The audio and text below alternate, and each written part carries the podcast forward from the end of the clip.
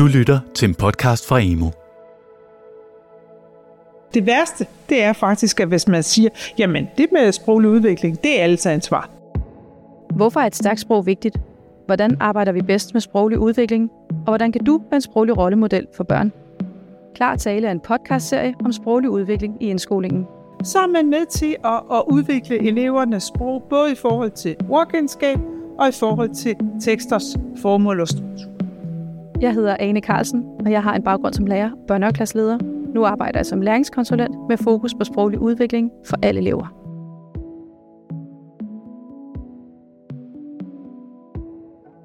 Jeg øh, ser en udfordring i forhold til øh, den øgede digitalisering. Det kræver et stort sprogligt beredskab at øh, kunne øh, se og gennemskue ikke mindst, hvad det egentlig er, man bliver præsenteret for. I dag er vi sammen med lektor Sofia Esman Busch, som har en Ph.D. i dansk og dansk som andetsprog. Sofia hun vil dele sin dybdegående viden om, hvordan systematisk arbejde med sprogudvikling kan forbedre børns evner i alle skolefag og styrke dem som læsere. Hendes forskning har vist, at en stærk sprogudvikling er afgørende for at forstå og deltage i skolens forskellige fagområder. Hun vil dele konkrete eksempler på, hvordan lærere, pædagoger og forældre kan arbejde sammen for at styrke børns sproglige udvikling og give dem en solid start i livet. Sig mig, Dan, det glæder du dig egentlig til, at du skal gå i skole? Ja, meget. Nej. Hvad tror du, man kan lave i skolen egentlig? Man kan spille fodbold. Hvordan kan du beskrive den sproglige udvikling hos børn, og er der nogle afgørende milepæle i udviklingen? Øh, et af dem er faktisk nærvær. Det, at man allerede fra babyen er nærmest nyfødt, går i dialog med den her baby, og babyen opdager, at der er noget øh, på færre her. Der er et menneske, der vil mig noget. Men jeg vil sige, nærhed øh, er, og øjenkontakt er helt fundamentalt for, at, øh, at børn gennemløber en øh, almindelig sprogudvikling. Der er nogen, der siger, at jeg ikke sige uk, uk, uk. Hvorfor? Fordi du siger, du kan ikke bare sige uk, uk, uk. Sofia, i hvilke fag skal man især være opmærksom på sproglig udvikling? Kan godt lide, at du spørger mig i hvilke, fordi det er alle skolens fag. Og øh, børnehaveklassen forbereder jo i en eller anden grad øh, til, at øh, eleverne øh, har et, et sprogligt fundament til at kunne øh, tilegne sig fag øh, gennem sprog. Vi plejer sådan lidt populært at sige, at alle lærere er sproglærer. En geografilærer, en matematiklærer, øh, en idrætslærer bruger jo også sproget til at øh, understøtte undervisning og til at lære eleverne det, der særligt er på færre i lige netop det her fag. Det er jo ikke uvæsentligt, om det er en hest, man trækker ind i gymnastiksalen, eller det er en buk, man trækker ind i, øh, i gymnastiksalen. Øh, jo mere nuanceret øh, det her fagsprog bliver, jo mere, øh, jo, jo dybere bliver øh, fagligheden også, jo bedre er kvaliteten af undervisningen sådan set også. Der er blevet kysset rigtig meget ude i skoven i dag. Ja, her. Og selv frøerne fik kys. Nej, ikke mig. Det var kun mig, der kyssede. Der var... Sofia, du underviser jo på læreruddannelsen i Roskilde. Mm. Hvilket sprogsyn arbejder du selv ud fra? Når man arbejder på en læreruddannelse, så er det faktisk ens opgave at demonstrere, hvordan sprogsyn kommer i spil. Så nogle gange så viser jeg de studerende, hvordan et statisk sprogsyn ser ud, og andre gange viser jeg de studerende, hvordan et funktionelt sprogsyn ser ud. For de skal jo være i stand til at sondre mellem, hvornår er det statisk, og hvornår er det funktionelt. Groft sagt, så der kontrollerer man, er det rigtigt, forkert. Man vælger nogle delelementer ud af sproget, man kan kategorisere som rigtigt og forkert. Hedder det en hest, eller hedder det et hest? Når du sagde et hest, det var ærgerligt, det var forkert. Der er man meget opmærksom, ah, et forsimplet eksempel, men der er man meget opmærksom på, hvad er rigtigt og hvad er forkert, og det er kun ganske få dele af sproget, man, man tager ud og undersøger nærmere for det. Så det er sådan set sådan et meget statisk øh, øh, sprogsyn. I den anden ende, der har vi det her øh, funktionelle øh, øh, sprogsyn, øh, hvor, hvor, hvor det er sprog i spil. Altså der, der er man optaget af, jamen det er sproget i sin helhed. Øh, der er, at der er mulighed for, at eleverne prøver hypoteser af. Altså, nej, hun er ikke hjemme, hende er nede i byen. Øh, det er en sproglig hypotese. Man betragter det som en sproglig hypotese. Man siger ikke, det er forkert. Man betragter det som en hypotese. Man hjælper barnet med at give feedback, så man siger, nej, det hedder, hun er ikke hjemme, hun er nede i byen. Okay, øh, og det, det er over i den anden ende. Og der, der plejer man jo også at sige, uha, når man har sådan et, et funktionelt øh, sprogsyn, så er det, det er sådan svært sådan at beskrive, hvad er det så rent faktisk barnet kan. For barnet kan jo være meget god til at kommunikere. De kommunikerer med arme og ben og lyde og peger og tager ting frem og sådan noget. Og det kan jo godt snyde en til at tro, at eleven faktisk har en meget, meget, meget, meget større øh, sprogforståelse, end, end de i virkeligheden har. Ikke? Så det er ikke sådan så, at man kan sige, at det ene er kun helt fantastisk godt, og det andet er så og så dårligt. Så det er hele tiden noget med at være bevidst om at bevæge sig på det her øh, continuum her, der er, der, der, der, der, har, der er udstrakt mellem et, et formelt og et funktionelt øh, sprogsyn.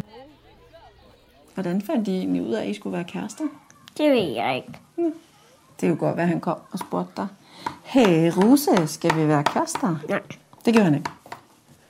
Kan du anbefale nogle effektive metoder eller indsatser, som fagprofessionelle eller forældre kan bruge for at styrke børns sprogudvikling? Læreren og pædagogen skal tænke meget over, hvad det er for sprogbrugssituationer, man sætter børnene i. Vi leger, at øh, i børnehaveklassen så er børnehaveklasselederen optaget af, at øh, børnene skal prøve at bage boller. Øh, og børnene er med på det, øh, at nu skal vi prøve at bage boller, og alle redskaber er det. Og så lader hun børnene prøve at eksperimentere selv. Så de tager noget mælk og noget gær, og så vil man høre, at de siger noget i retning af, nej, nej, ikke det der, det er for varmt, giv mig lige, øh, måske skulle det være det der. Altså noget sprog, som er et hverdagssprog, sprog, der er knyttet meget til den kontekst, der hedder, at nu står de faktisk sammen og, og, og, og arbejder med en skål øh, og forsøger at bage boller. Men hvis jeg hører det udefra, og aldrig har hørt det før, så vil jeg ikke ane, hvad der foregik. Fordi det er kontekstafhængigt. Det er øh, sådan et helt spontant hverdagssprog, som, øh, som øh, børnene bruger. Det er det, vi kalder sprog ledsaget til handling. Men læreren og pædagogen kan ikke helt være tilfreds. Fordi hvis ud, sprog skal udvikles, så kan læreren og pædagogen for eksempel sige, godt, kan I lige prøve at forklare mig, hvad er det, I har lavet? Nu skal jeg forklare, nu skal jeg ikke bare tale spontant, nu skal jeg faktisk lige tænke mig om, hvad skal jeg sige, og så forklarer man stille og roligt, øh, hvad det er, man har lavet i den her lille gruppe, der har øh, været i gang med at, at bage boller.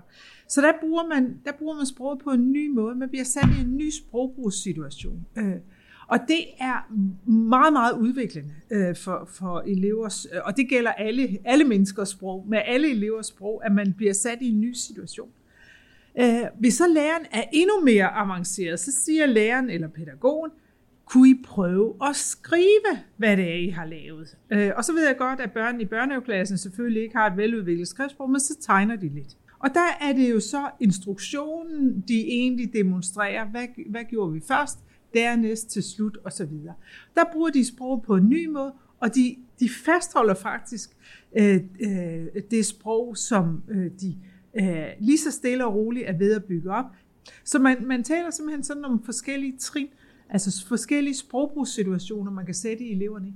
Og så kan man sige, hvis nu børnene kunne læse, så vil det fjerde trin være at sige, så nu læser, øh, nu skal de læse en fagtekst. Så i første omgang, der er sprog ledsaget til handling. Dernæst er sproget som en kommentar. Jeg kommenterer på det, jeg har lavet. Det tredje, det er, at det er sproget som en rekonstruktion. Jeg forsøger at rekonstruere det. Og endelig som det fjerde, det er konstruktion, der læser man fagteksten. Og det, det kan børn i børneklassen ikke. Men de har jo alligevel fået en opskrift udleveret. Så i virkeligheden, så kan de øh, jo godt se, hvad er det her for noget. Så er man med til at, at udvikle elevernes sprog, både i forhold til ordkendskab og i forhold til teksters formål og struktur. Men hvad gør man så sammen, når man er kærester? Det ved jeg ikke. Nå. Men I gør ikke noget? Det kan godt være, at man Men snart... Sigrid og de kyssede og krammede. De kyssede og krammede. Så det kan man gøre, når man er kærester. Det gør min mor og far også. Ja. Er det også noget med, at man som pædagog eller børneorganisator eller lærer bliver bevidst om og husker at udfordre eleverne? Ja, det er ikke mig som fagprofessionel, der skal være i centrum. Det er faktisk børnene. Det er børnene, der skal snakke. Det er børnene, der skal tale sammen. Men det, det, og, de, og selvfølgelig skal de øh, tale spontant og i fri leg og så videre, men det skal også struktureres, det skal også stiliseres, for ellers så udvikler man ikke sit sprog. Man udvikler sit sprog ved at blive ud- undervist. Ikke? Så, så man skal hele tiden have den her, mm, hvordan får jeg sat dem i situationer, så de kan udvikle deres sprog. Det kan også være med spil. Jeg tror, der er sådan et spil, der hedder Vildkatten, hvis jeg ikke husker helt forkert. Men der er en hel masse små billeder af nogle små... Øh, der er et billede af nogle gule gummistøvler, så kan jeg sige til børnene, hvad er det her? Jamen, de er gule. Det er de gule gummistøvler, ikke? Så svarer de, altså, ud, altså de laver det, vi kalder nominalgrupper. De udvider, de strækker. Det er de gule, de små gule gummistøvler, ikke? Og så har man, øh, øh så kan man også sådan udvide det lidt, så de, de små gule gummistøvler bruger jeg, når det er regnvejr. Så har man udbygget og lavet både en hovedsætning og en ledsætning osv. osv. Så nogle små øh, lege kan, kan man snige ind øh, i sin undervisning, som faktisk er med til at understøtte elevers sprogudvikling ganske, ganske betragteligt. Så faglighed er ikke kun, om man kan årstallene for den store krig. Ej, Det er også, hvordan man taler om det. ja. Og så den store krig. Hvilken krig er det, og øh, hvilke nationer er i spil osv. Og, og hvis man øh, øh er inde på emu.dk, så vil man jo under, der det har både en vejledning til sproglig udvikling i, i øh, mange fag, og der er undervisningsforløb i rigtig mange fag også, så, så der kan man finde god inspiration til at se, hvordan man sådan konkret gør det. Man sagde engang, at i nogle lande langt væk fra Danmark, at der boede der kannibaler. Og hvis man sejlede derned, hvis man var en sømand, så kunne man risikere at komme i deres store gryde og blive spist. Så lå der gulerødder og alt muligt og svømmede rundt mellem en. Er det ikke ret skørt? Jo. Ja, jeg synes også, det lyder lidt mærkeligt. Hvem har egentlig ansvaret for sproglig udvikling på en skole?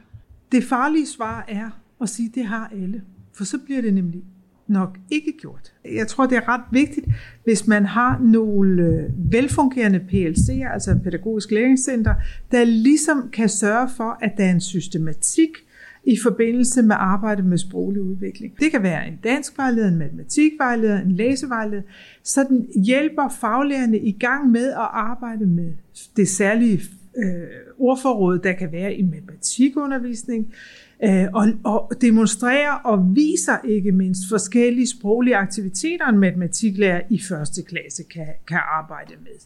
Så når han siger øh, division, så skal børnene måske sige dele.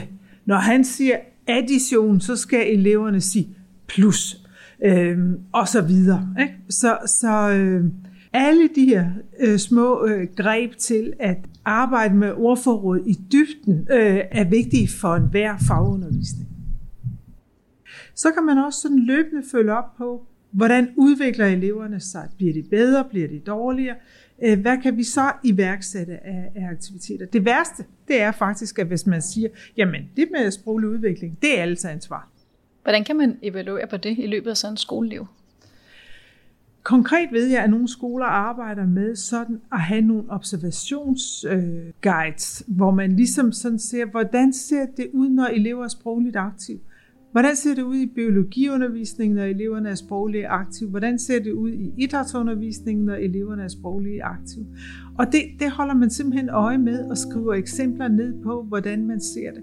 Og så gælder det jo om at få kigget på alle elever, og ikke kun dem, der altid øh, er først øh, til, til det ene eller det andet. Hvilke udfordringer ser du, Sofia, for sproglig udvikling i fremtiden? Jeg øh, ser en udfordring i forhold til øh, den øgede digitalisering, fordi øh, det kræver et stort sprogligt beredskab at øh, kunne øh, se og gennemskue ikke mindst, hvad det egentlig er, man bliver præsenteret for. Om det så er, at man er 10 år, man er 20 år, man er 30 år, eller hvor gammel man nu er, øh, stor eller lille, øh, så, øh, så kræver det faktisk et stort øh, sprogligt repertoire at kunne gennemskue. Er der nogen, der ved at snyde mig? Er der nogen, der er ved at ville mig noget bedre? Er der nogen, der er i gang med at hjælpe mig? Hvad er egentlig øh, på færre her? Og det er jo nogle gange små, øh, små hint eller små koder i sproget, som gør, at man får en bevidsthed om, hvad, hvad er der egentlig på færre? Hvad, hvad er den anden i gang med nu? Eller det andet, fordi hvis det så var et menneske, men det er det jo mange gange ikke, det, det foregår jo i, øh, i forskellige øh, digitale formater, som, som øh, kan gøre det svært at, at, at gennemskue.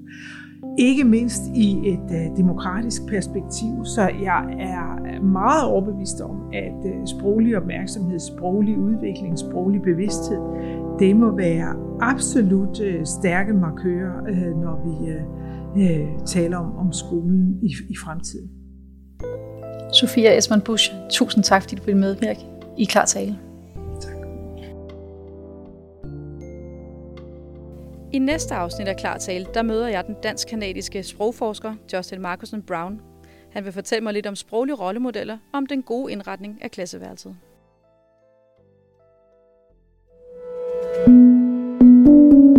Du har lyttet til en podcast fra Emo. Find mere viden på emo.dk.